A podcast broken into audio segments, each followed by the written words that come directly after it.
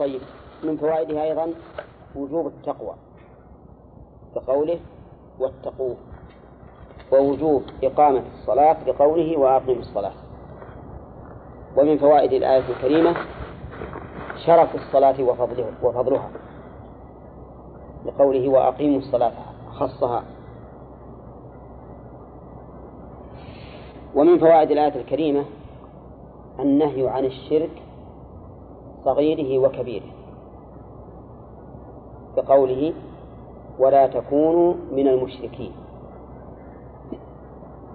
ومنها شدة التنفير من الشرك. نأخذها من أين؟ من قول ولا تكونوا بعد قوله واتقوه. فإنه لا شك أن ترك الشرك من التقوى لكن هذا يكون خاص. أيضا عطف خاص على عام. ومن فوائد الآية الكريمة أن أهل الشرك من شأنهم ودابهم وعادتهم التفرق في الدين لقوله من الذين فرقوا دينهم. ومن فوائدها التنبيه على أنه لا ينبغي للمؤمن للمؤمنين أن يتفرقوا في دينه. قال ولا تكونوا من المشركين من الذين فرقوا دينهم. ومنها أن التفرق في الدين مشابهة للمشركين.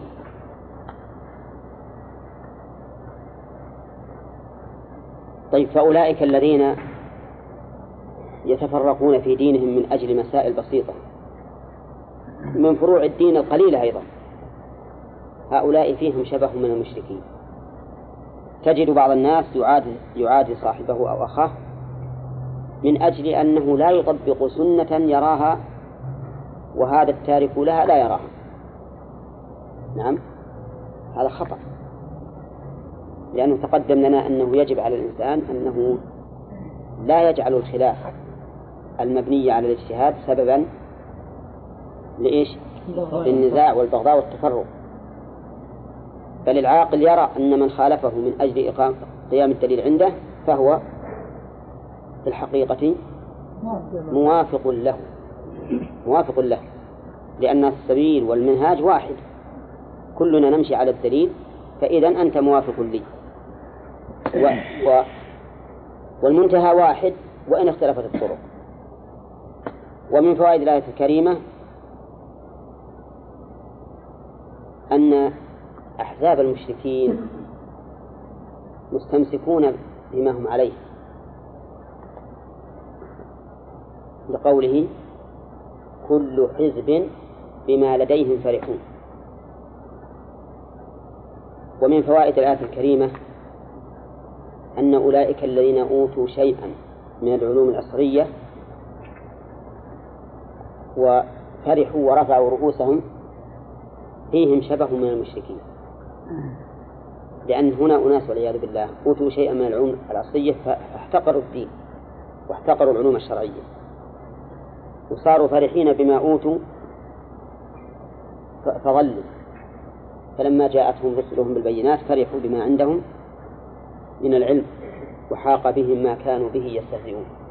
تجد الواحد منهم إذا أدرك مسألة من مسائل الكون البسيطة رأى أنه كأنه أدرك تفاسير القرآن وأمهات السنة وأنه هو العالم الحبر الذي لا يوجد له نظير واحتقر من سواه.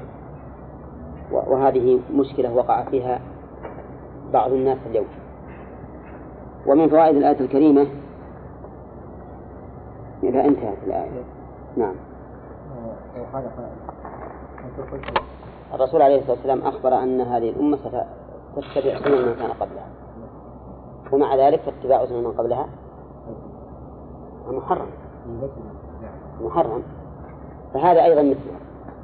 هذا التفرق وإن كان موجودا قدرا لكنه غير محبوب إلى الله شرعا.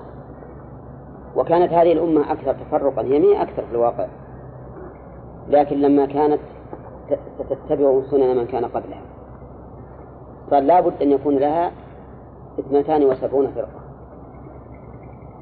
يبقى من لم يتبع الفرق السابقة كم فرقة؟ واحدة وهي الثالثة والسبعون.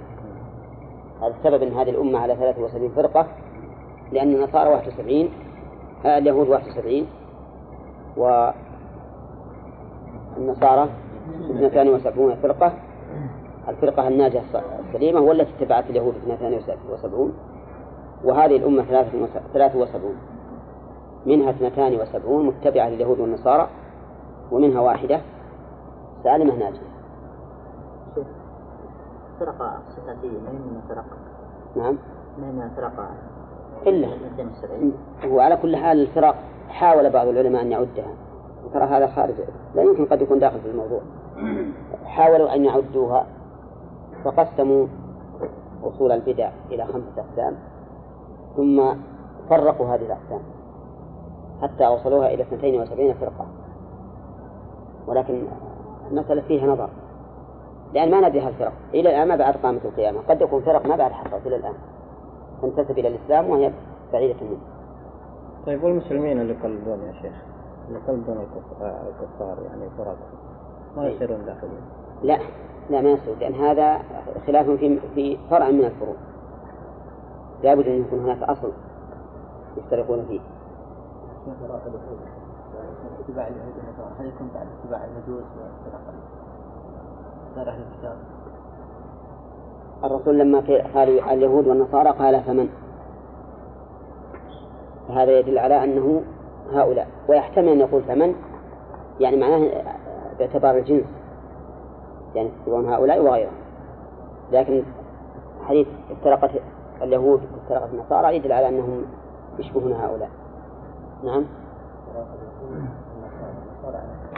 فائدة الآية الكريمة من, من الذين فرقوا دينهم وكانوا شيعا. أنه لا يجوز التحزب في الدين والتشيع. فيكون في هذا ذم لأولئك المتعصبين لمذاهبهم. لأنهم يشيعون الناس في الواقع. حتى إن بعض المفتين إذا تفتي قال على أي مذهب تريد أن أفتيك؟ مذهب الشافعي مالك الحنبلي إلى آخره. وهذا لا شك أنه تفريق للأمة. ولهذا ذكروا فيما سبق التاريخ أنه يحصل إلى حد القتال بين بين أصحاب المذاهب المتبوعة.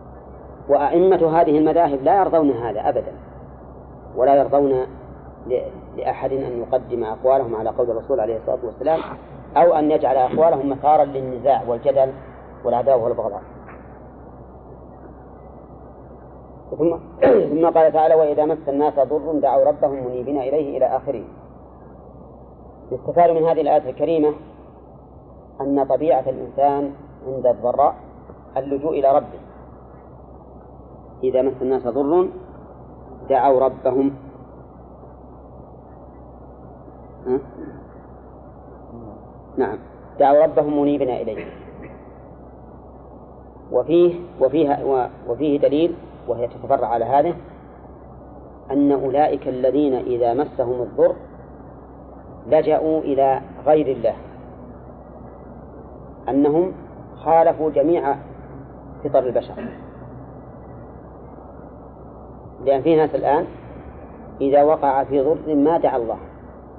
يدعو الولي, الذي يتبعه أو الذي يراه وليا. وإذا وقع في الأمر الهين دعا الله. فيجعلون الشدائد يجعلونها لمن لا يستطيع أن يدفع عنهم شيئا أبدا. بل ولا يستجيب له. ومن أضل ممن يدعو من دون الله من لا يستجيب له إلى يوم القيامة. نعم؟ بخلاف الناس حتى غير المسلمين إذا وقعوا في شدة لا لا يلجؤون إلا إلى الله عز وجل. ومن فوائد الآية الكريمة أن أولئك الذين يلجؤون إلى ربهم في الشدائد إذا زالت عنهم الشدائد وأصيبوا بالرحمة انقسموا إلى قسمين. منهم من يشرك ويبقى على شركه ومنهم من يبقى على إيمانه إذا كان من المؤمنين. ومن فوائد الآية الكريمة أن أولئك المشركين لا يتأنون في شركهم بعد أن ينجوا من الشدة بل يستمرون عليه فورا بقوله إذا هم يشركون. لأن إذا لمفاجأة فجائية وقال الله تعالى في بدء الدرس الجديد. نعم. إي نعم. من فوائدها إثبات الرحمة. الرد على الشيوعية بين فقري الرد على الشيوعية. إنسان مقطوع على اتجاه الله إي نعم نعم نعم. فيها الرد على أولئك الذين يقدمون أولياءهم أو أولئك الذين لا يلجؤون إلى أحد. نعم. وفيها أيضا إثبات الرحمة لله إذا أصابهم منه رحمة. وفيها التنديد بإشراك هؤلاء. لأنه قال إذا فريق منهم بربهم فكيف يليق بهم أن يشركوا بربهم الذي خلقهم؟ لأن الخالق سبحانه وتعالى يجب أن يكون أن تكون العبادة له وحده. ها؟ بطلان الشرك. لأن المشركين حتى المشركين إذا مستهم الشدة نعم. تركوا أصنامهم واتجهوا إلى ربهم. هم يعرفون أنها لا تنفعهم لكن والله ما هو بضاحك جدا. ما يأخذ منها وجوب التأدب مع الله سبحانه وتعالى. لأنهم ما نسب الضر إلى نفسه. وإذا الرحمة قالوا منها. وإذا مس الناس ضر معلوم أن الضر من الله. لا فيه ما هو بوجوب التعدد فيه أن الشر لا يضاف إلى الله. الشر لا يضاف إلى الله. ولكن و... نعم إطلاقا ما يضاف إليه. ولكن يرد على هذا بالنسبة للضرر والنفع. قوله تعالى قل من ذا الذي يعصمكم من الله إن أراد بكم سوءا أو أراد بكم رحمة. إنما الشر مطلقا لا يضاف إلى الله وإنما يضاف إلى المخلوقات المفعولات كما سبق.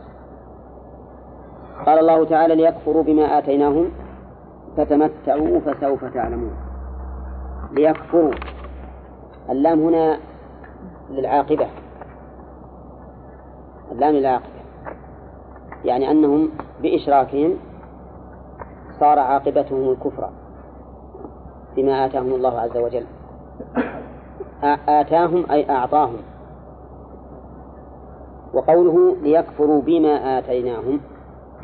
هل نقول إن الباء للسببية أو إن الباء للتخصيص؟ بمعنى أنهم يكفرون بهذا الشيء. الجواب يحتمل أن تكون للسببية أي بسبب ما آتاهم الله تعالى من الرحمة والإنقاذ من الشدة صار ذلك سببا لأشرهم وبطرهم وكفرهم. كما هي عادة الإنسان إلا من عصمه الله عز وجل. أو يقال ليكفروا بما آتيناهم أي يكفروا بهذا الشيء الذي آتيناهم حيث لا يؤدون شكره. وكان الواجب عليهم أن يؤدوا الشكر لله سبحانه وتعالى. وقوله فتمتعوا. هذا يسمونه في البلاغة التفاتا. لأنه لم يقل وليتمتعوا كما قال في آية أخرى. ولكنه أمرهم أن يتمتعوا. والأمر هنا للتهديد كما قال المؤلف رحمه الله. قال أي يقول فيما آتيناهم أريد به التهديد فتمتعوا. الأمر هنا للتهديد وليس للإباحة. الدليل على ذلك قوله فسوف تعلمون عاقبة تمتعكم. فيه التفات عن الغيبة. وين الغيبة؟ ليكفروا. وقد سبق لنا أن الالتفات له فائدتان. فائدة لازمة في كل التفات وهي تنبيه. لأن الكلام إذا كان على نسق واحد استمر الإنسان فيه منساقا معه. فإذا اختلف وقف. لماذا اختلف السياق؟ لماذا كانت الجملة الغائب ثم صارت المخاطب أو بالعكس؟ نعم. فيقف ويحصل بذلك تأمل. أما الفائدة الثانية فإنها تختلف بحسب السياق. الفائدة الثانية هنا في هذه الآية هو أنهم إذا قوبلوا بالأمر فتمتعوا صار أشد وأبلغ تهديدا مما إذا قال؟ وليتمتعوا. نعم. وقوله فسوف تعلمون. قد قيل إن سوف تفيد التحقيق لكنها تفيد أيضا التراخي بخلاف السين. فإنها تفيد التحقيق والفورية وكل شيء بحسبه. وإنما كان كذلك هنا لأن أشد العقاب الذي يأتيهم سيكون يوم القيامة وهو متأخر. ثم قال تعالى أم أنزلنا عليهم سلطانا؟ نعم. تفيد التحقيق والتراخي.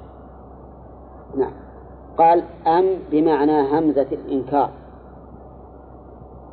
أنزلنا عليهم سلطانا حجة وكتابا فهو يتكلم تكلم دلالة بما كانوا به يشركون. أن يأمرهم بالإشراك؟ لا. أم هنا يقول المؤلف إنها بمعنى الهمزة همزة الإنكار. وهذا أحد القولين فيه والقول الثاني أنها بمعنى بل والهمزة فتكون مفيدة للإضراب. وهنا الإضراب الانتقال يعني بل أأنزلنا عليهم سلطانا. والاستفهام إذا كان الإنكار فمعناه النفي يعني هل نحن أنزلنا عليهم سلطانا يؤيد شركهم ويثبته ويقول إنه حق الجواب؟ لا. ما أنزلنا ذلك. أم أنزلنا عليهم سلطانا. يقول المؤلف سلطانا حجة وكتابا. والسلطان تسمى حجة تسمى سلطانا لأن المحتج بها له سلطة على المحجوج. فلهذا تسمى سلطان. كما قال الله تعالى إن عندكم من سلطان بهذا أي حجة. واعلم أن السلطان يطلق على عدة معاني ويجمعها كلها السلطة على الشيء. فتارة تأتي بمعنى الحاكم. وش مثل؟ كقولهم الفقهاء وجاء في الحديث فالسلطان فإن تشاجروا فالسلطان ولي من لا ولي له. وكذلك إن الله لا يدعو في السلطان ما لا يدعو بالقرآن. وتأتي السلطان بمعنى الحجة وهو كثير. وتأتي بمعنى القدرة مثل قوله تعالى يا معشر الجن والإنس إن استطعتم أن تنفذوا من أقطار السماوات والأرض فانفذوا لا تنفذون إلا بسلطان. أي بقدرة وليس لكم قدرة. وكلها يجمعها هذا المعنى. السلطة التي بها السيطرة والغلبة. وقوله فهو يتكلم قال المؤلف تكلم دلالة. فهو يتكلم بلسان الحال وليس بلسان المقال. هذا ما قاله المؤلف. ولكنه يحتمل أن تبقى على ظاهرها. لأن الذي ينزل من عند الله كلام الله. كلام الله. وكلام الله تعالى يصح أن ينسب الكلام إليه. كما في قوله تعالى هذا كتابنا ينطق عليكم بالحق. إن هذا القرآن يقص على بني إسرائيل أكثر الذي فيه يختلفون. وقوله بما كانوا به يشركون. ألبى هنا للاختصاص أيضا. أن يتكلموا بهذا الشيء. ويقول إنه حق والجواب لا. إذا فليس عندهم حجة لا عقلية ولا فطرية. أما العقلية فقد سبق أن فطرة الله سبحانه وتعالى كلها الإخلاص بالله لله. وأما الشرعية فإنه لا لم يأتي في كتاب من الكتب المنزلة أن الشرك حق. بل جميع الكتب المنزلة وجميع الرسل المرسلون جميع الرسل المرسلين كلهم يقولون اعبدوا الله ما لكم. من إله غيره. وما أرسلنا من قبلك من رسول إلا نوحي إليه أنه لا إله إلا أنا فاعبدون. وإذا أذقنا الناس رحمة فرحوا بها. إذا أذقنا الناس كفار مكة وغيرهم. هذا أشوى. جعلها عام. إذا أذقنا الناس كفار مكة وغيرها. وأفادنا المؤلف بقول كفار مكة وغيرها. الكسر أنه أن المراد بالناس هنا الكفار. فيكون من باب العام المستعمل في الخاص. وقد مر بنا كثيرا أن العام يستعمل في الخاص. والعام المراد به الخصوص غير العام المخصوص. وقد سبق لنا في أصول الفقه الفرق بين الفرق بينهما. بين العام المخصوص والعام الذي سنتبه يا محمد في مكان. وبين العام الذي أريد به الخصوص. فالعام الذي أريد به الخصوص لم يرد معنى العموم فيه من, من أول الأمر. وإنما أريد به المعنى الخاص فقط. فقوله الذين قال لهم الناس إن الناس لم يرد به عموم الناس من الأول. وأما العام الذي دخله التخصيص يعني العام المخصوص فهو أريد به العموم وهو تناوله لجميع الأفراد. ثم أخرج بعض أفراده من هذا الحكم. فيكون عاما ها عاما مخصوصا. وعلى هذا فلا يمكن أن يستدل مستدل بالعام المراد به الخصوص لا يمكن أن يستدل به على عموم الحكم لأنه لم يرد به العموم. بخلاف الثاني العام الذي المخصوص فإنه يمكن أن يستدل به على عموم الحكم ويقول لمن أخرج شيئا من أفراده هذا الدليل على التخصيص. المراد بالناس هنا إذن وإذا أذقنا الناس رحمة فرحوا بها. ها؟ عام أريد به الخصوص. يعني الكفار لأن هذا الوصف لا ينطبق إلا عليهم أما المؤمن فإنه إذا قضى الله قضاء له قضاء لم يكن على هذا الوصف. إذا أذقنا الناس كفار مكة و... وغيرهم. نعم؟ بالنصب. أنا قلته بالجر. ها؟ الصواب بالنصب. كفار مكة وغيرهم رحمة. نعمة. فرحوا بها فرح بطر. وإن تصبهم سيئة شدة بما قدمت أيديهم إذا هم يقنطون ييأسون من الرحمة. ومن شأن المؤمن أن يشكر عند النعمة ويرجو ربه عند عند الشدة. قوله تعالى رحمة فرحوا بها. رحمة يشمل جميع النعم. من مال وأولاد وأمن ورخاء في العيش وغير ذلك. كل ما يكون أو كل ما ينعم به الإنسان فإنه داخل في ذلك. ولهذا قال من نعمة. وقوله فرحوا بها قيدها المؤلف بقوله فرح بطر. فرح بطر. احترازا من الفرح بنعمة الله فرح شكر. فإن هذا لا يذم. كما قال الله تعالى قل بفضل الله وبرحمته فبذلك فليفرحوا. فأمر الله تعالى أن نفرح بفضل الله ورحمته. وعلى هذا فالفرح نوعان. فرح بطر يؤدي إلى الأشر والاستكبار عن الحق والتعلي على الخلق فهذا هو المذموم. والثاني فرح شكر يكون الإنسان فرحا بنعمة الله لكن هذا الفرح يحمله على شكر النعمة. فهذا ليس بمذموم. وهو من طبيعة الإنسان. فإن الإنسان إذا رزق ولدا فرح وإذا رزق مالا فرح وإذا كان طالب علم فتوصل إلى مسألة من مسائل العلم فرح. فهو من, من الأمور الطبيعية. لكن إن أدى الفرح إلى الأشر فإنه محرم ومذموم وإلا فلا. هذا الصوت نزل الصوت هذا. ترى الداخل يعني. وقوله وإن تصبهم سيئة سيئة. المراد بالسيئة هنا ما يسوءهم وهو ضد الرحمة. مثل فقر وجدب وخوف فقدان مال وما أشبه ذلك. هذا السيئة. وسمي سيئة لأنه يسوءهم. وقوله بما قدمت أيديهم الباء هنا للسببية.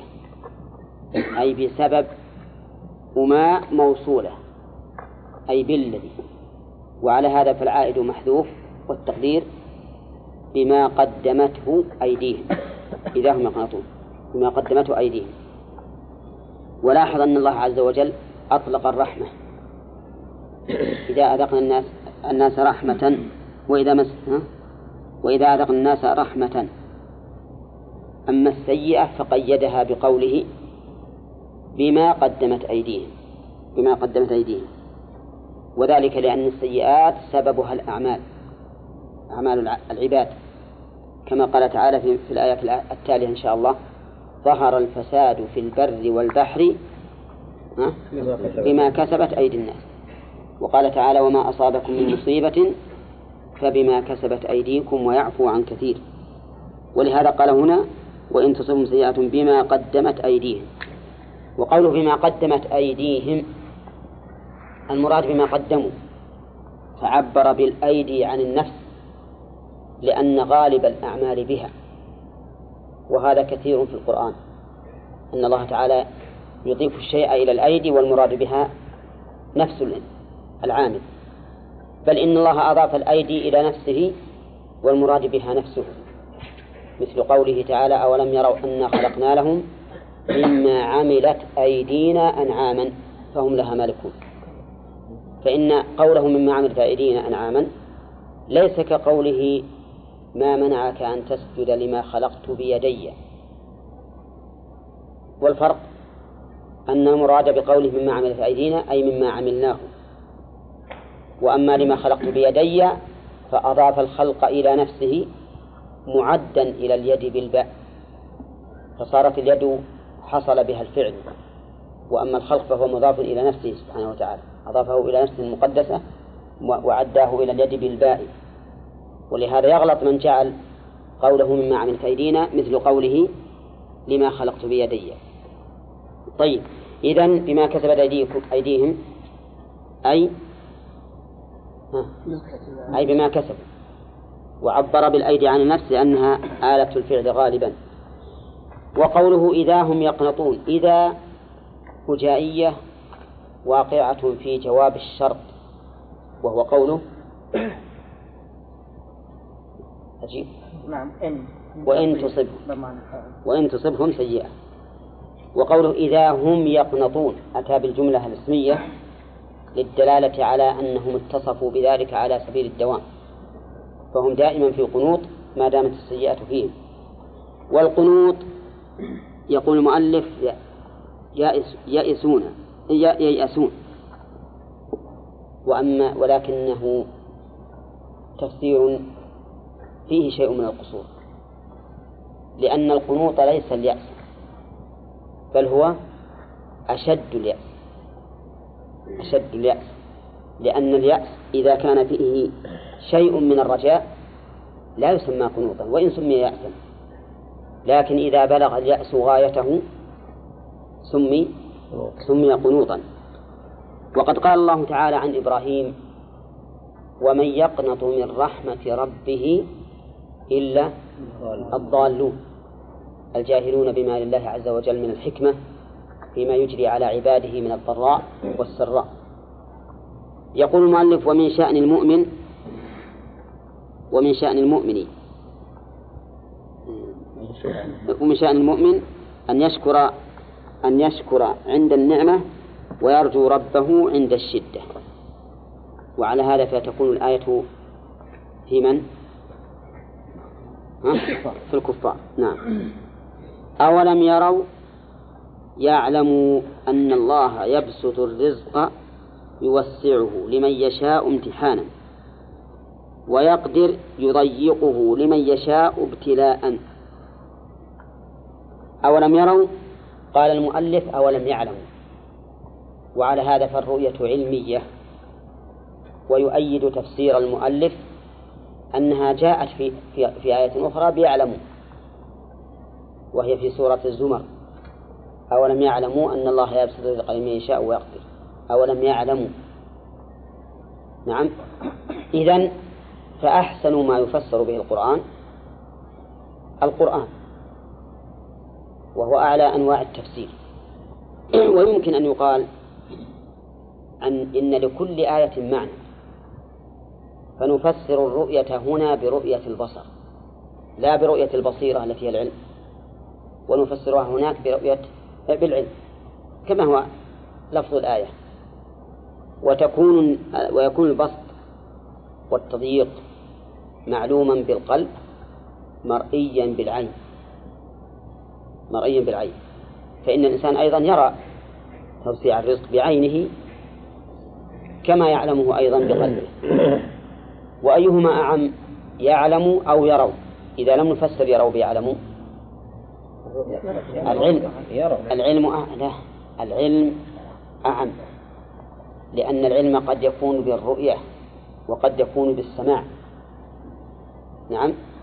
قد قد لا أرى أن الله بس بسط الرزق لعباده وقدره لكنني أسمع. أنه في البلاد الفلانية فقر في البلاد الفلانية غنى غنى وما أشبه ذلك. فالعلم أعم. وذلك لأن وسائل العلم متعددة. بخلاف الرؤيا فإن طريقها البصر. العلم كل الحواس الخمسة اللي تعرفونها كلها توصل إلى العلم. فالمس والشم والذوق والرؤية والسماع كلها تفيد العلم. فهو أعم. ما يجتمع إيه هو أصل. لأنه إذا رأى علم. لكن العلم أعم. لأن وسائله أكثر.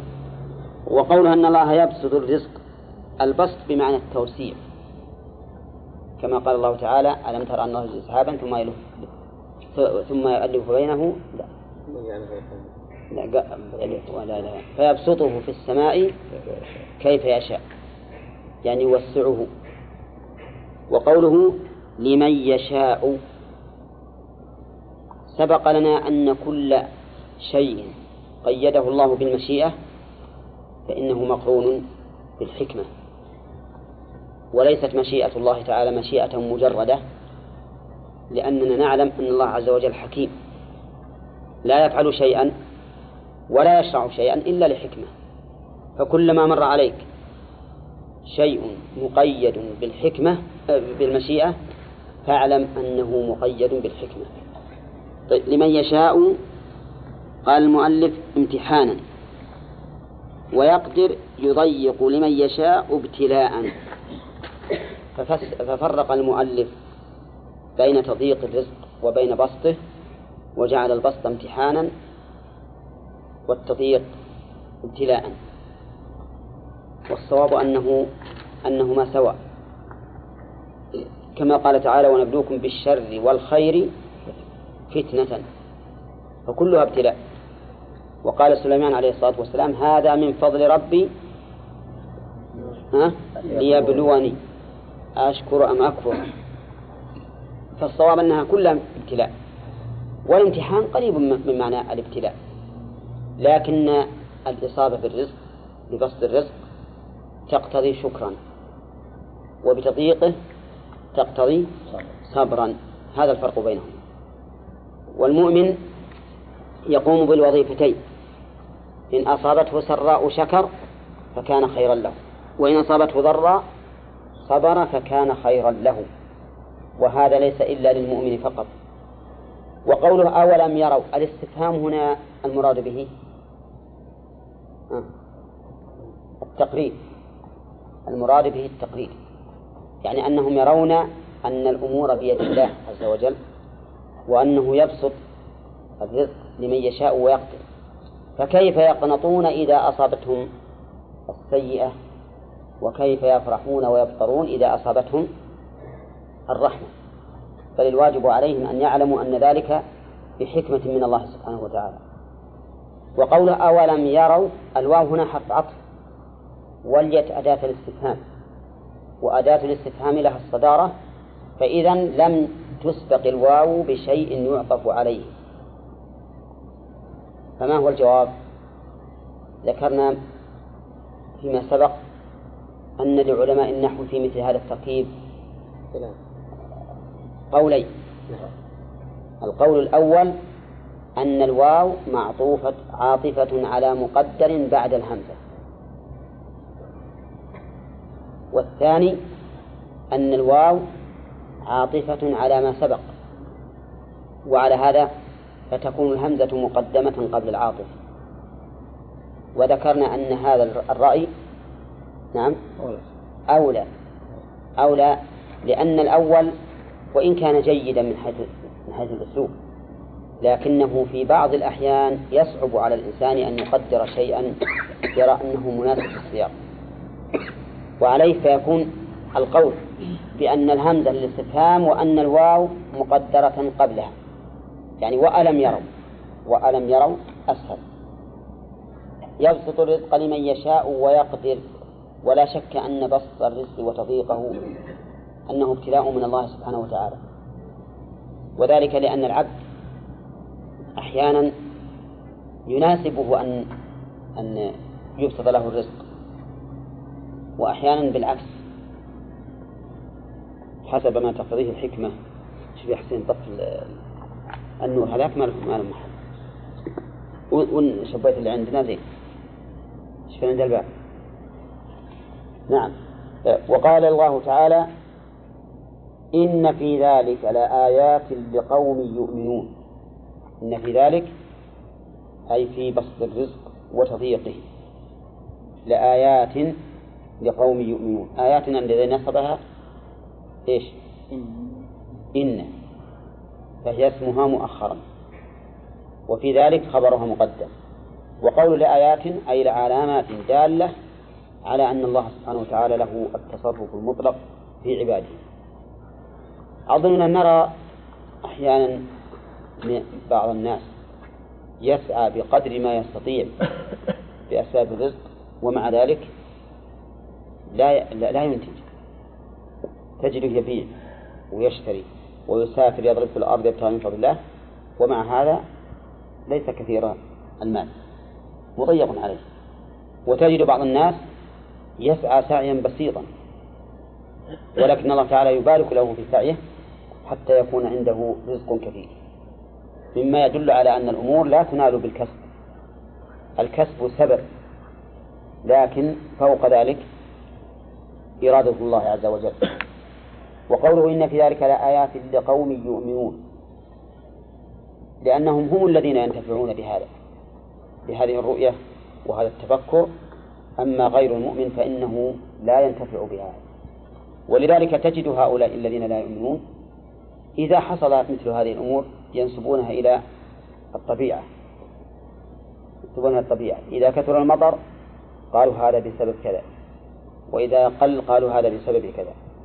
ونحن لا ننكر أن الأمور لها أسباب ولكننا ننكر أن تكون الأسباب هي الفاعلة فإن الفاعل هو الله عز وجل. وما الأسباب؟ إلا وسائل يستدل بها على حكمة الله سبحانه وتعالى وأنه حكيم حيث ربط المسببات بأسبابها. نعم. إن في ذلك الآية لقوم فآت ذا القربى حقه والمسكين وابن السبيل إلى آخره. آتي بمعنى أعطي لأنها من الرباعي. لو كانت من الثلاثي لكانت بمعنى جئ. نعم لكنها من الرباعي الذي بمعنى أعطى. وقوله آتي الخطاب مفرد. فهل هو للرسول صلى الله عليه وسلم شخصيا أو لكل من يتوجه إليه الخطاب؟ قلنا إن إن للعلماء في هذا رأيين. إلا ما دل الدليل على أنه خاص بالرسول صلى الله عليه وسلم فهذا يختص به. مثل ألم نشرح لك صدرا؟ هذا خاص بالرسول صلى الله عليه وسلم. ووجدك عائلا. يا أيها الرسول بلغ ما أنزل إليك من ربك وما أشبه ذلك. إذا عائل يا شيخ. آت ذا القرب. نعم. عائل الخاص بالرسول. وشي عائلا عائلا يعني ما يعم الرسول. لا وجدك الرسول لكنه أغنى بك جميع ما- من انتفع بها سقط الآية عائلة. فأغلب لا ألم ألم يجد كثير. كلها طيب وقوله فآت ذا القربى. ذا القربى أي صاحب القرابة. ولهذا قال المؤلف القرابة. فالقربة هنا بمعنى القرابة حقه من البر والصلة وأحق الناس بذلك الأم والأب وإن علوا. وصلتهما تسمى برا لأنه يجب أن تكون أعلى من غيرهما والبر كثرة الخير وغيرهما تسمى صلة. لأن المقصود الوصل فقط بخلاف الأب والأم. فحقه هنا مجمل ولكنه مبين بنصوص أخرى من القرآن والسنة وهو أن حق الأبوين البر وحق غيرهما الصلة. فيمكن أن يكون قول المؤلف من البر والصلة على سبيل التوزيع. من البر في الأبوين والصلة ها؟ في غيرهم في ذوي الأرحام نعم. قالوا ذا القربى حقه وقوله ذا القربى يعم. يعم كل قريب ولو كان كافرا. لأن العلة القرابة ليس في الإسلام.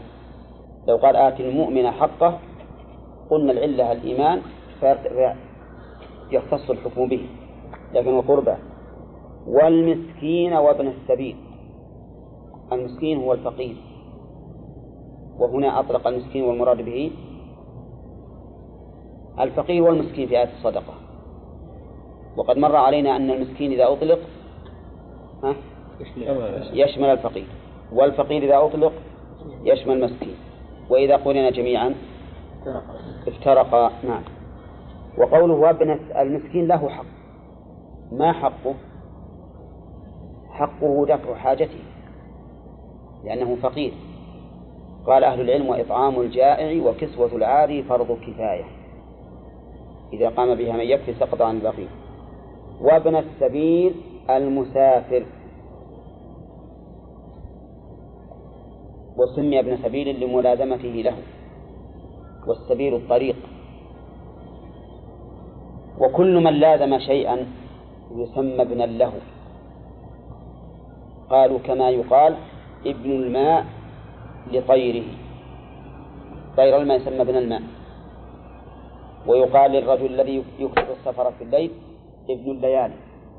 وما أشبهه. فالابن لكل من لازم الشيء. قال من الصدقة. هذا تفسير لحق المسكين وابن السبيل. وقيل المراد بابن السبيل الضيف. المراد به الضيف لأنه عابر سبيل. ولكن الصحيح أنه المسافر. ويشمل الضيف ولا لا؟ يشمل الضيف لأن الضيف مسافر. قال وأمة النبي صلى الله عليه وسلم تبع له في ذلك. وقال المؤلف في هذه الجملة أن الخطاب في قوله وآتي موجه للرسول صلى الله عليه وسلم شخصيا. والأمة تبع له. وقد سبق لنا أن أن وجه ذلك أن الرسول عليه الصلاة والسلام هو زعيم أمته. فوجه الخطاب إليه وإن كان شاملا. أو أنه خاص به ويكون أمته تبع له تبعا له على سبيل التأسي به. قال نعم. ذلك خير للذين يريدون وجه الله. ذلك المشار إليه إتيان أو إيتاء ذي القربى حقه والمسكين وابن السبيل. خير كلمة خير هنا يراد بها التفضيل. ولا اسم وليس في تفضيل. قلنا فيما سبق أن خيرا وشر تستعملان اسمي تفضيل وتستعملان اسما مجردا عن التفضيل. كما في قوله فمن يعمل مثقال ذرة خيرا يره ومن يعمل مثقال ذرة شرا يره. هذا ليس المراد به التفضيل. كذلك هنا قال ذلك خير للذين يريدون وجه الله. الظاهر أنه لا يراد به التفضيل. وإنما المراد أن هذا خير. ضد الشر لكنه قيد بقوله للذين يريدون وجه الله. نعم. وهذا دليل على الإخلاص. يعني خير للمخلصين الذين يريدون وجه الله. أما غير المخلص فإنه ليس خيرا له. حطوا بالكم ليس خيرا له. لكن هل هو خير للمعلم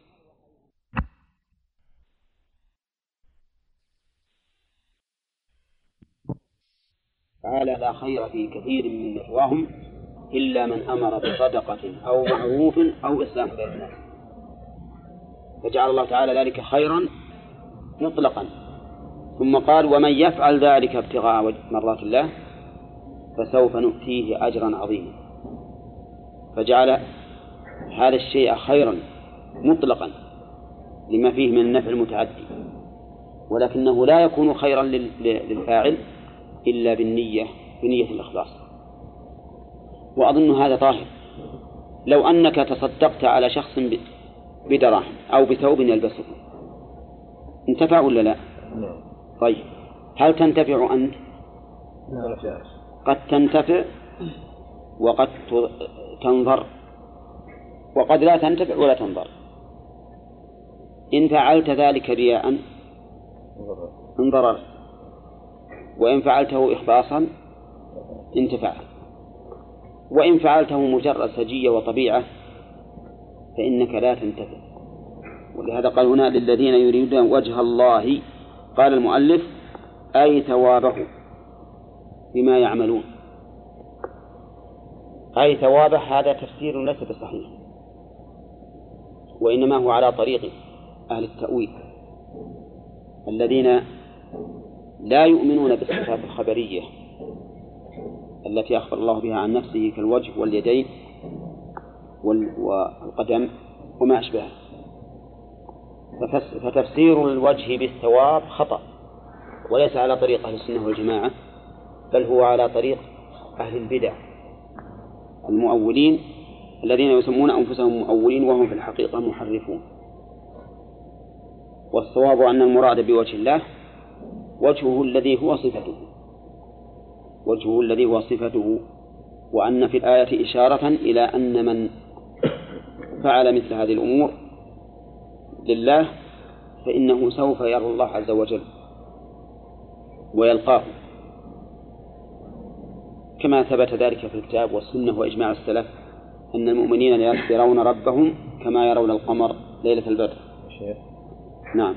كيف قلنا إنه ينتفع المرضى ويقول ذلك خير للذين يريدون وجهه نعم.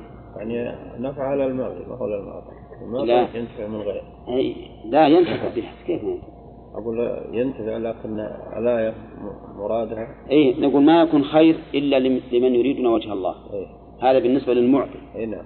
أما بالنسبة للمعطى فهو خير له. حتى لو يعطي الإنسان كافر لو يعطي كافر شخصا مالا انتفع به. وصار خيرا. أقول الآية يعني كان معناها أنه بس للمعطي. نعم هي ما تكون خير للمعطي إلا بالنية. المعطي ما تكون إلا بالنية. أما بالنسبة للمعطى فهي خير على كل حال.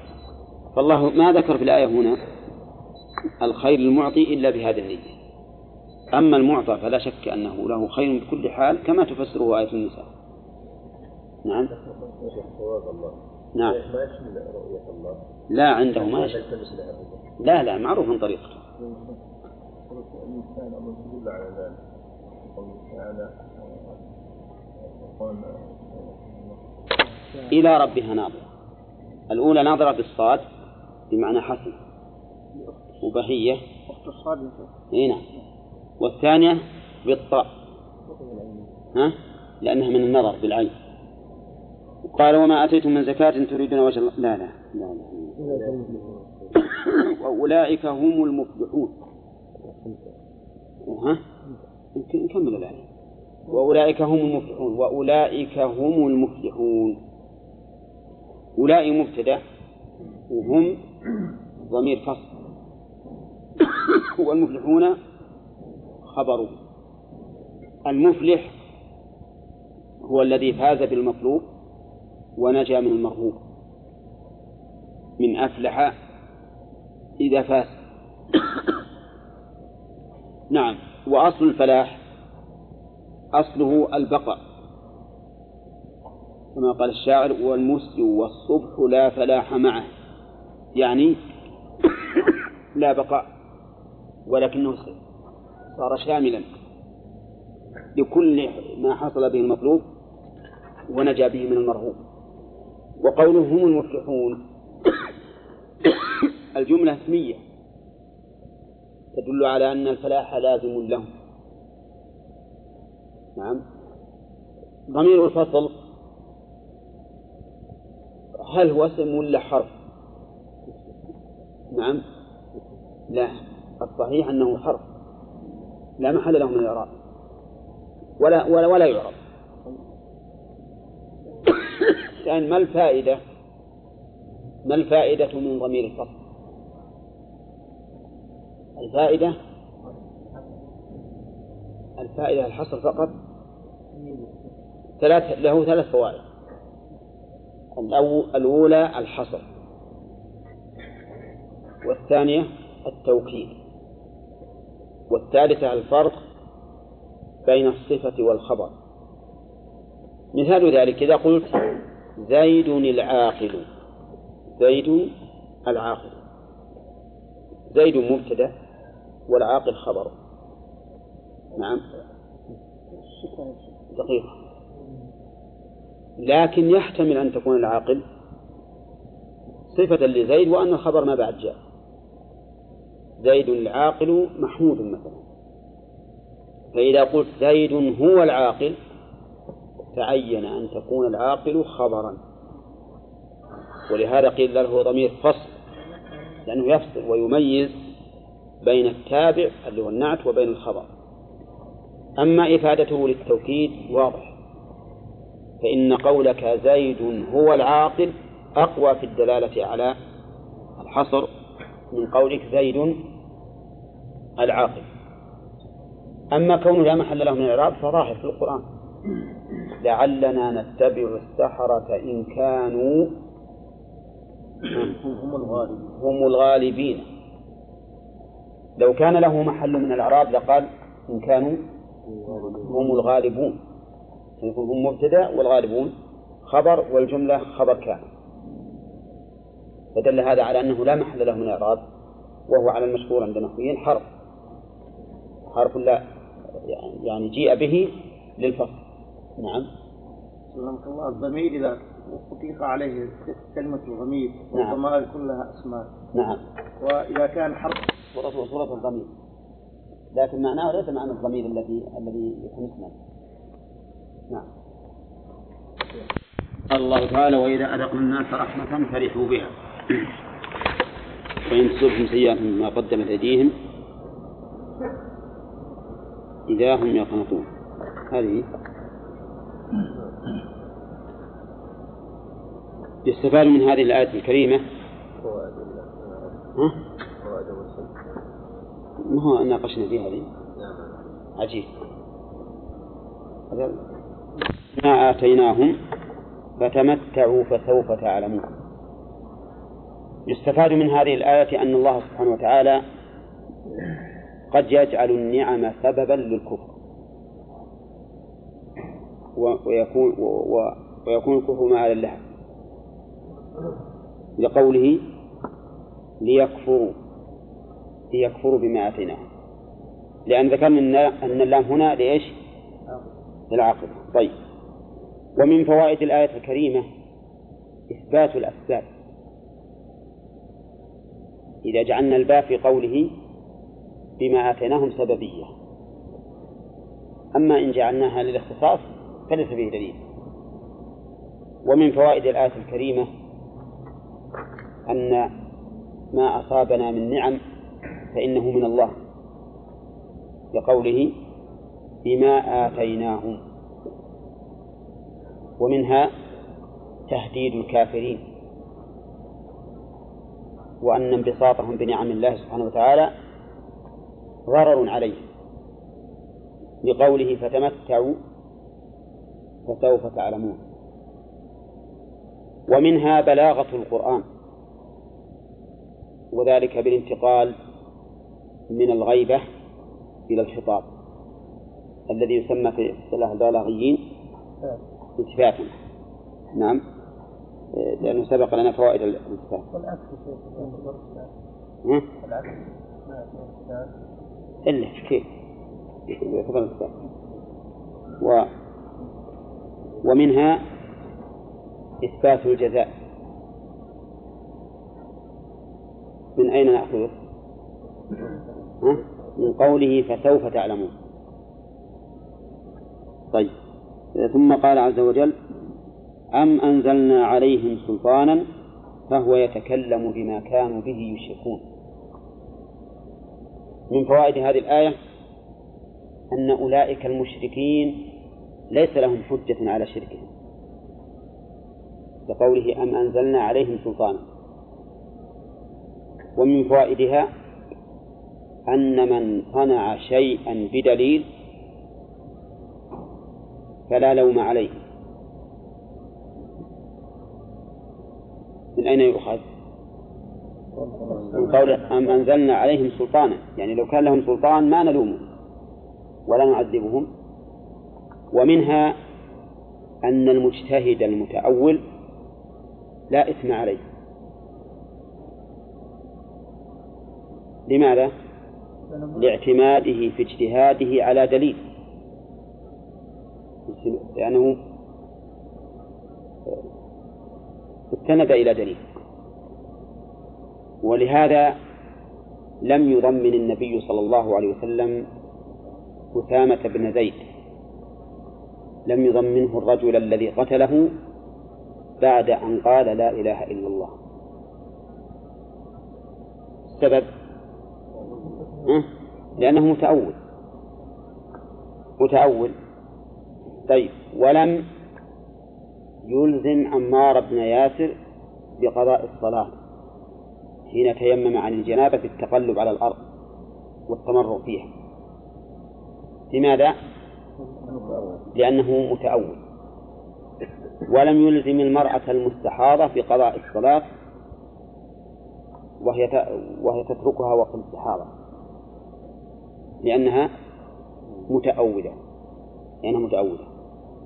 وعلى هذا فكل متأول يظن أنه على صواب فإنه لا لا إثم عليه. لا إثم عليه. لكن هل هذا يشمل الأصول والفروع؟ أو هو خاص بفروع الدين؟ ها؟ اختار شيخ الإسلام أنه يشمل الأصول والفروع. وأنكر شيخ الإسلام وتلميذه ابن القيم أن يكون الدين منقسما إلى أصول وفروع. وقال إن هذا التقسيم لا أصل له لا في الكتاب ولا في السنة. فهذه الصلاة عند المقسمين الصلاة عندهم من قسم الأصول ولا من قسم الفروع؟ ها؟ الفروع. وهي من أصل الأصول. هي الركن الثالث نعم بعد الركن الثاني من أركان الإسلام. ومع ذلك هي عندهم من قسم الفروع. نعم؟ وأشياء يختلفون فيها وهي عندهم من قسم الأصول. ويرون أن للاختلاف فيها مساغ. نعم. كاختلافهم في رؤية النبي صلى الله عليه وسلم ربه واختلافهم في نعيم القبر وعذاب القبر في بعض الصور وما أشبه ذلك. مما هو من العقائد ومع ذلك يرون أن الاختلاف فيه سائر فالشاهد أن المدار كله على قاعدة من قواعد الشرع وهي قوله تعالى لا يكلف الله نفسا إلا وسعها. لا يكلف الله نفسا إلا وسعها. فمن اجتهد في طلب الحق وتحراه ولكنه لم يوفق له مع حسن النية وصحة المسلك. هل نقول هذا آثم؟ لا يمكن.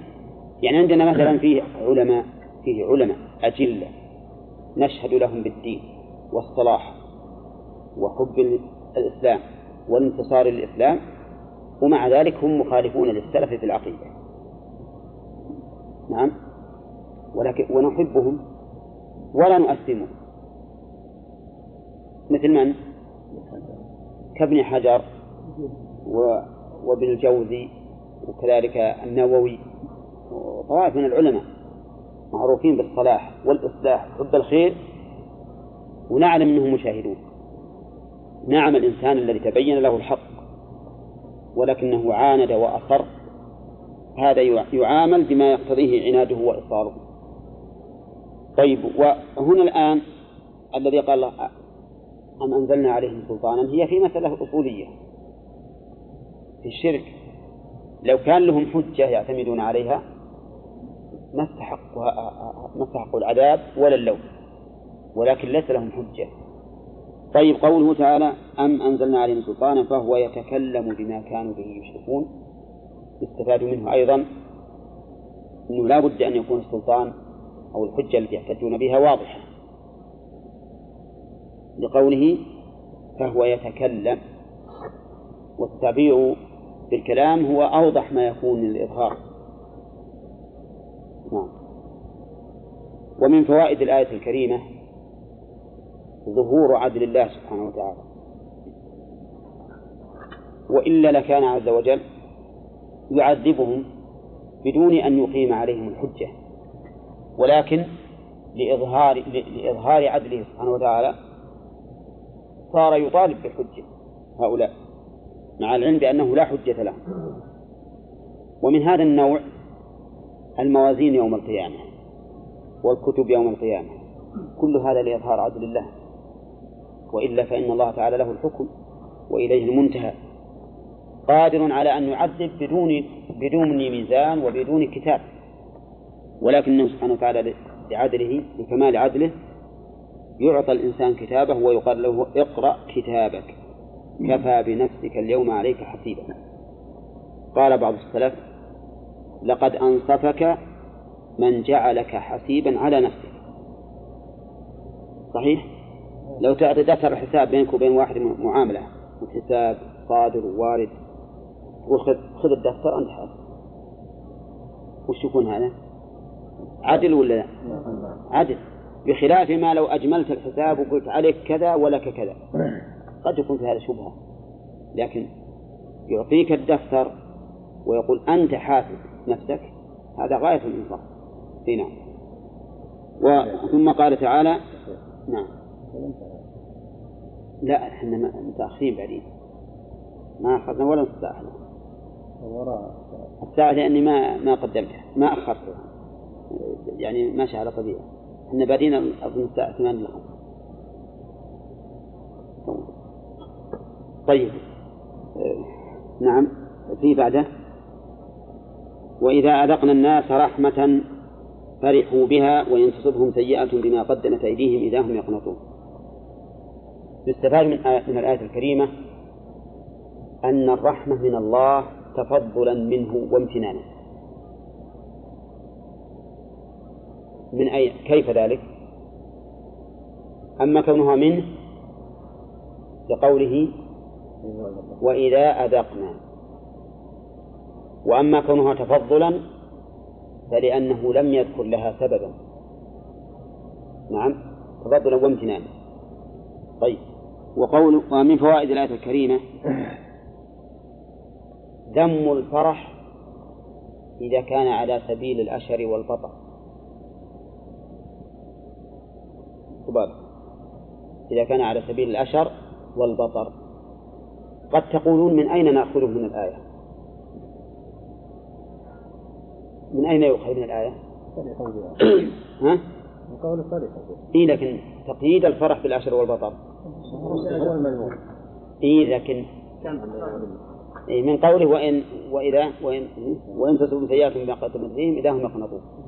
يمكن يؤخذ أنه فرح المذموم من من الصفة التي بعدها نعم.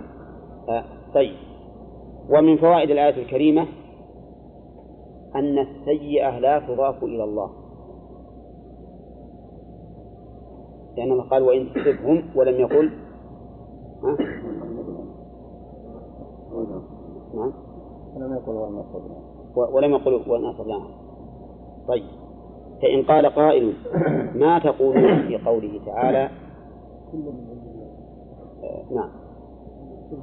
وإن في سورة في سورة النساء. وإن تصبهم سيئة يقول هذه من عندك؟ قل كل من عند الله. فما هو الجمع؟ طيب هنا قلنا أن السيئة لا تضاف إلى الله.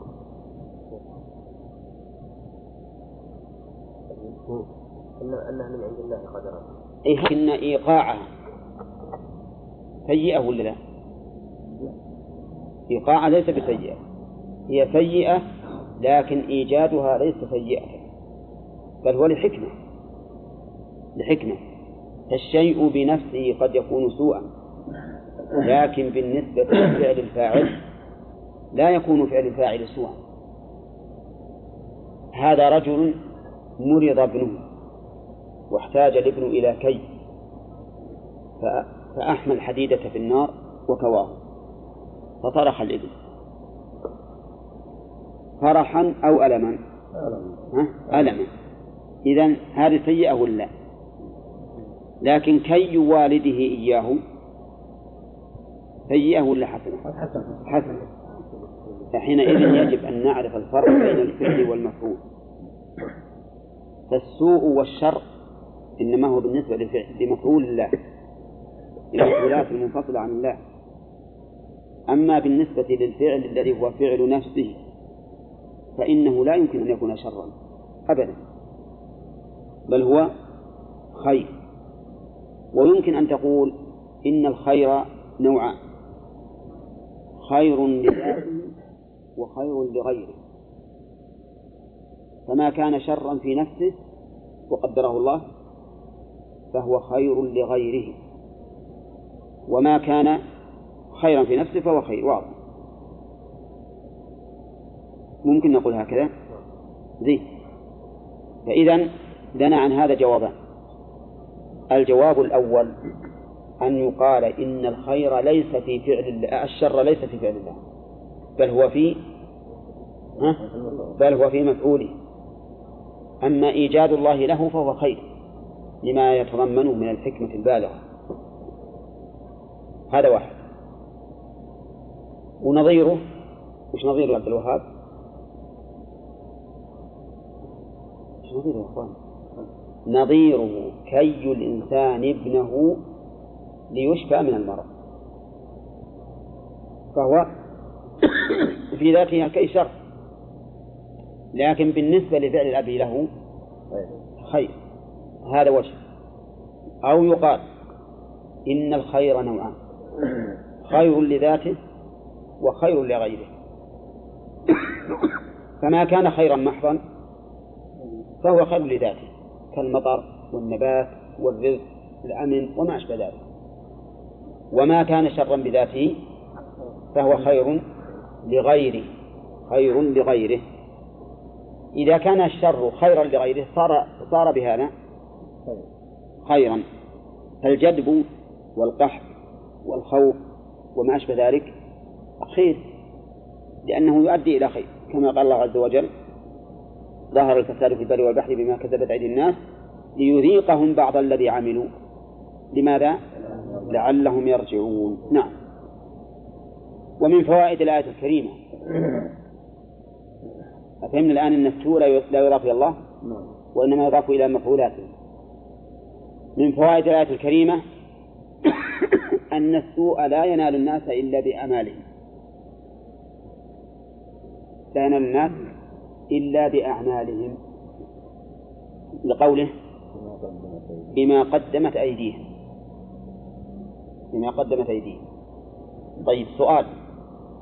هل هذا يشمل السوء في الأمور الدينية والأمور الدنيوية أو في الأمور الدنيوية فقط؟ وش تقولون؟ الأمور الدنيوية فقط كل شيء بكل فيهما جميعا. فيهما جميعا. فيهما جميعا. فالجذب والقحط بسبب الأعمال. السيئة والمعاصي. كذلك زيغ القلب بسبب المعاصي. فلما زاغوا أزاغ الله قلوبهم. إذن المصائب الدينية والدنيوية كلها بسبب أعمالنا نحن. فلو استقمنا استقامت لنا الأمور.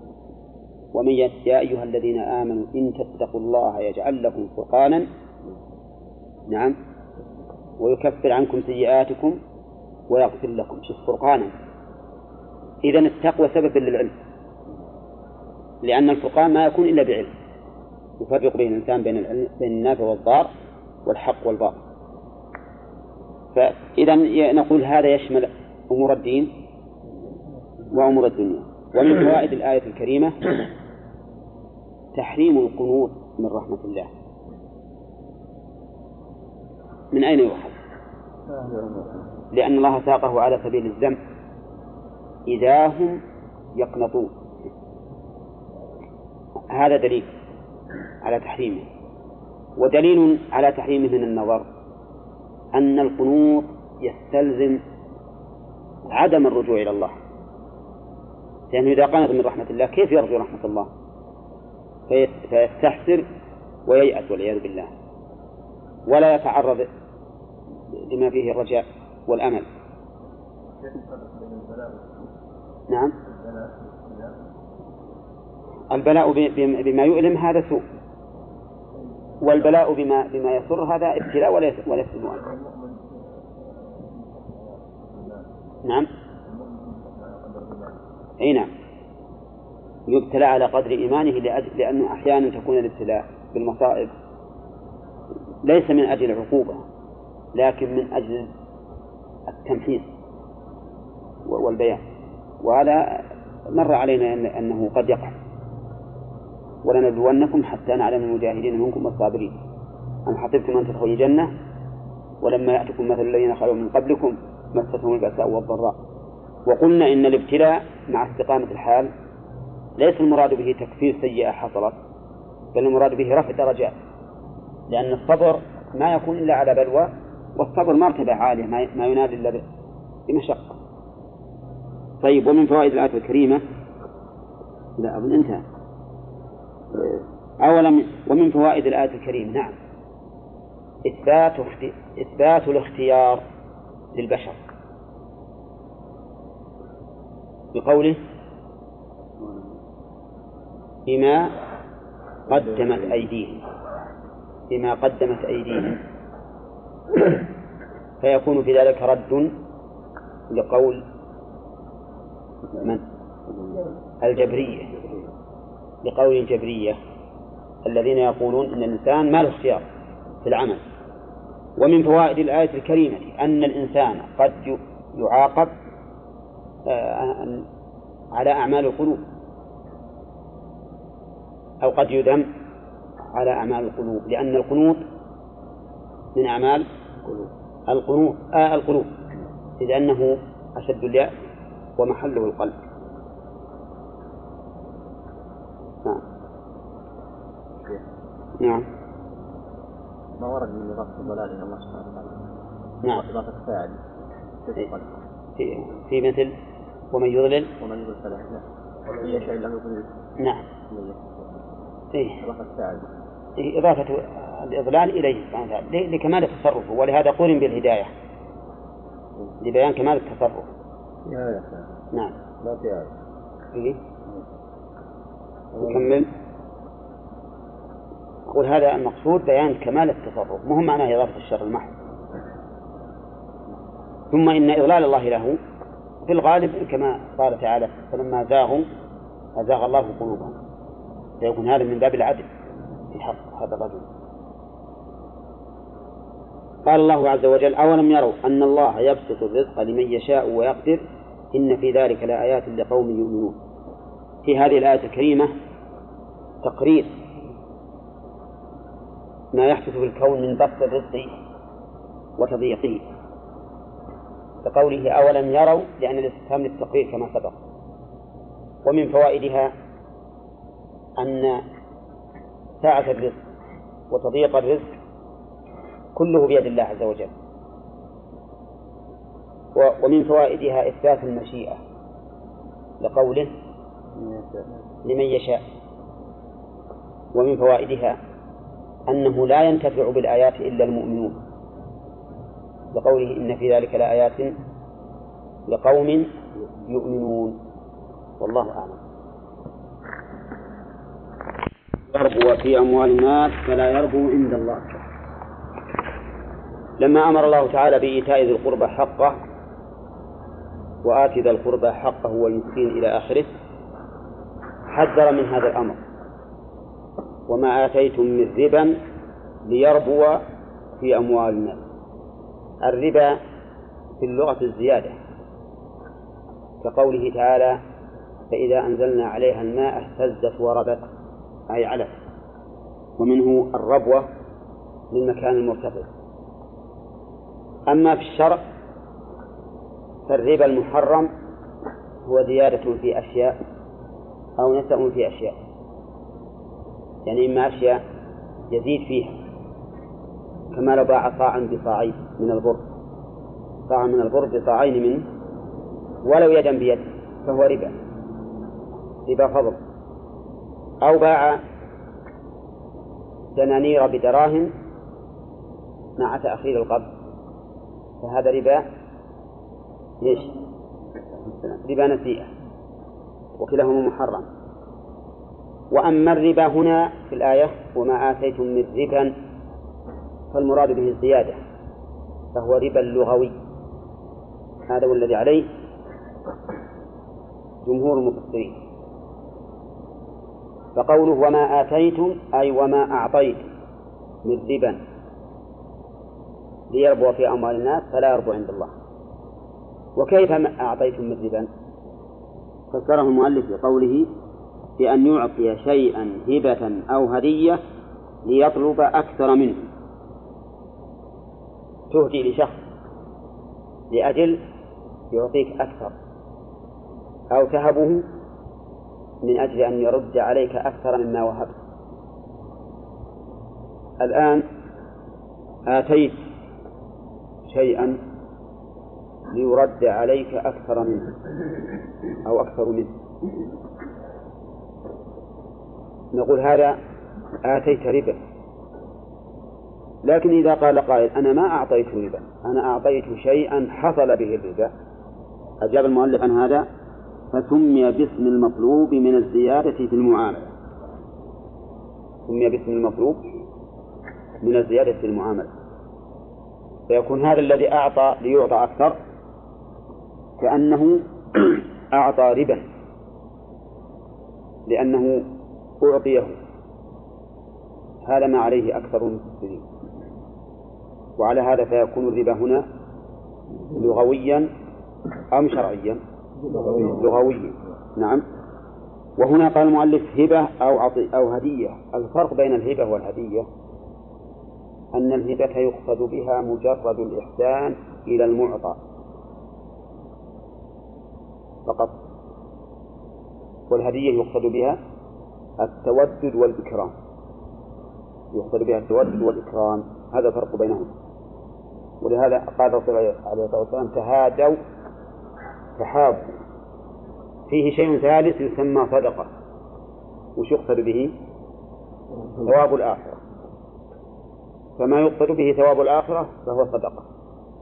وما يقصد به التودد والإكرام فهو هدية.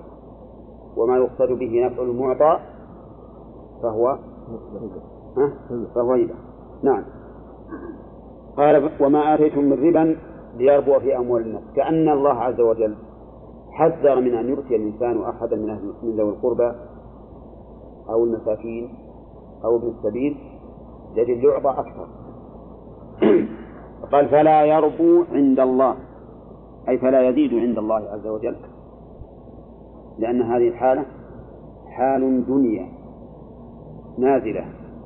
ولهذا نهى الله عنها رسوله صلى الله عليه وسلم في قوله ولا تمنن تستكثر يعني لا تعطي لأجل أن تعطى أكثر. فلما كانت هذه حالا نازلة قال هنا فلا يربو عند الله. نعم قال ليربو في أموال الناس المعطي أي يزيد. فلا يربو يعني فلا يزيد. وقال المؤلف يزكو عند الله. أي لا ثواب فيه للمعطين وذلك لأنها حال ما لا تنبغي. فلا يكون فيها أجر عند الله عز وجل. هذا ما ذكره المفسرون في تفسير هذه الآية ورووه عن ابن عباس وغيره. وعندي أنه يحتمل في الآية معنى آخر يكون وما آتيتم من ربا الربا الشرعي.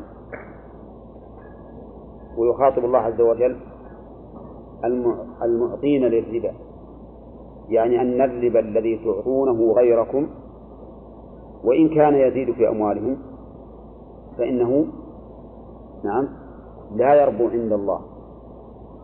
لا يربو عند الله. بل إنه على العكس يحصل به المحق والسحب للمال الطيب نعم فلا خير فيه. ويؤيد ذلك قوله وما آتيتم من زكاة تريدون وجه الله فأولئك هم المضعفون. ففرق بين المرابي وبين المتصدق كما أن الله عز وجل يقرن بينهما في بعض الآيات مثل ما ذكر في سورة البقرة. ذكر الله الإنفاق وذكر بعده بعده الربا. وكذلك أيضا في سورة آل عمران لا تأكلوا الربا أضعافا مضاعفة واتقوا الله لعلكم تفلحون. واتقوا النار التي أعدت للكافرين وأطيعوا الله والرسول لعلكم ترحمون. وسارعوا إلى مغفرة من ربكم. وذكر من جملة أوصافهم أنهم ينفقون في السراء والضراء. ولكن هذا الاحتمال حتى الآن ما رأيت أحدا قال به. وإنما يقولون بالمعنى الأول. المعنى الأول فهمناه جيدا. هو أن يعطي الإنسان شيئا هبة أو هدية ها؟ ليعطى أكثر. فإن هذا وإن زاد في أموال المعطي فليس فيه زيادة عند الله لأنه خلق مذموم. يا عام يا شيخ يقولون من أعطى نصف اليد الله هذا إيه؟ نفس الشيء. لكن لو قال قائل ما تقولون فيما لو أهدينا إلى شخص معروف بالمكافأة الجزاء؟ وأنا ما قصرت فهل يجوز أم لا؟ ها؟ إيه؟ ما دام أنك ما قصرت فإنه لا لا يضر آه الإهداء للأمراء والملوك والوزراء وما أشبههم يدخل في هذا النهي؟ ها؟ هو غالب الذين يهدون خصوصا على الملوك والكبار من الأمراء غالب الذي يهدون إنما يريدون الزيادة. يريدون أكثر. نعم. ولهذا إذا عرف الإنسان بأنه لا يعطي إلا مثل القيمة أو دونها نعم. ما ما تريد هدايا. ما يعطى هدايا. فلا يعطى هدايا إلا من عرف بأنه يبذل أكثر ويرد أكثر. قال وما آتيتم من زكاة تريدون وجه الله. قال وما آتيتم آتيتم يعني أعطيتم من زكاة. من هذه حرف جر. وهي بيانية. بيان لما في قوله وما آتيتم وما هنا إعرابها؟ شرطية. شرطية بدليل قوله فأولئك هم المضعفون. فارتبطت الفاء في الجواب يعني يعني ومهما آتيتم من زكاة بهذا القيد تريدون وجه الله فأولئك هم المضعفون. وقوله من زكاة قال المؤلف صدقة. وفي هذا القيد نظر. إن قصد بها صدقة التطوع. أما إن قصد بها الصدقة مطلقا فنعم. لأن الصدقة تطلق على الواجب والمستحب. وش الدليل على إطلاقها على الواجب؟ إنما الصدقات للفقراء والمساكين. إنما الصدقات للفقراء والمساكين. فهذا للواجب والمستحب. طيب إذا يقول من زكاة المراد بها الزكاة الواجبة. بالمعنى الأول كيف نحولها إلى صدقة؟ على أن المراد بها التطوع. والصواب أن المراد بالزكاة هي الزكاة الواجبة. الزكاة الواجبة. لأنها لأنها مرادة عند الإطلاق. أقيموا الصلاة وآتوا الزكاة. إيش المراد؟ الواجب. إذا ما آتيتم من زكاة أي من صدقة واجبة. نعم. طيب الزكاة ما فرضت بالمدينة؟ نعم. وهي مكية إي نعم. هذا ما تدل على الفرق هذه تدل على الأجر فقط. أقول تدل على الأجر فقط؟ نعم. مع أن مع أن الصحيح أن أن الزكاة مفروضة بمكة لكن تقديرها وتقديرها وابتدائها هو الذي كان في المدينة. هذا هو الصحيح. أقول قوله هم المضعفون هذه إيش معناها؟ ما بعد دينار وقوله تريدون وجه الله نعم. قلنا من زكاة؟ من هذه؟ بيانية. بيان لنا الشرطية وقوله فأولئك هم المضعفون. والرابط سلمك الله محذوف هنا. الرابط هو تريدون بها وجه الله يعني فقط. أي نعم. لأن الجملة صفة. نعم. وما. آتيتم وما آتيتم من زكاة تريدون وجه الله. يعني تريدون بهذه الزكاة التي أتيتم. تريدون وجه الله. هذه الجملة الشرط للثواب والأجر. أن يريد الإنسان وجه الله. لأن من لا يريد وجه الله إما أن يريد وجه غيره أو أن لا يريد شيئا. نعم. إذا أراد وجه غيره فليس له أجر بل عليه وزر. لأنه مرائي مشرك. فلا فلا تقبل منه وإن لم يرد وجه الله ولا غيره. لكنه أراد إبراء ذمته فقط. نعم. كما هو غالب من يؤدي الزكاة بل الله يعاملنا بعفوه غالب من يؤدي حتى الصلاة. أكثر الناس عندما يأتي إلى الصلاة تجده يريد إبراء ذمته. ما يشعر بأن هذه الصلاة تقربه إلى الله عز وجل؟ ويريد قرب بها إلى الله. هذا غالب الناس. إلا من وفق وصار ينتبه عند فعل الطاعات بإرادة وجه الله وهو الإخلاص واتباع الرسول عليه الصلاة والسلام في هذه العبادة. الذي لا أراد وجه الله ولا أراد وجه غيره وإنما أراد بها إبراء ذمته. تنفعه ولا لا؟ تنفعه بلا شك. وتبرأ بها ذمته. وربما يؤجر لقيامه بركن من أركان الإسلام بل يقين يؤجر. لكن ربما يؤجر أيضا بكونه يشعر أن هذا مما أوجب الله عليه فيؤديه. لأن هذا لا شك أنه تعبد لله. لأن فعله تعبدا. لكن كونه يريد بذلك وجه الله والتقرب إليه هذه حالة أعلى من كونه يريد مجرد إبراء ذمته. وقول وجه الله المراد به المؤلف يقول وما يأتي من زكاة تريدون. وجه الله.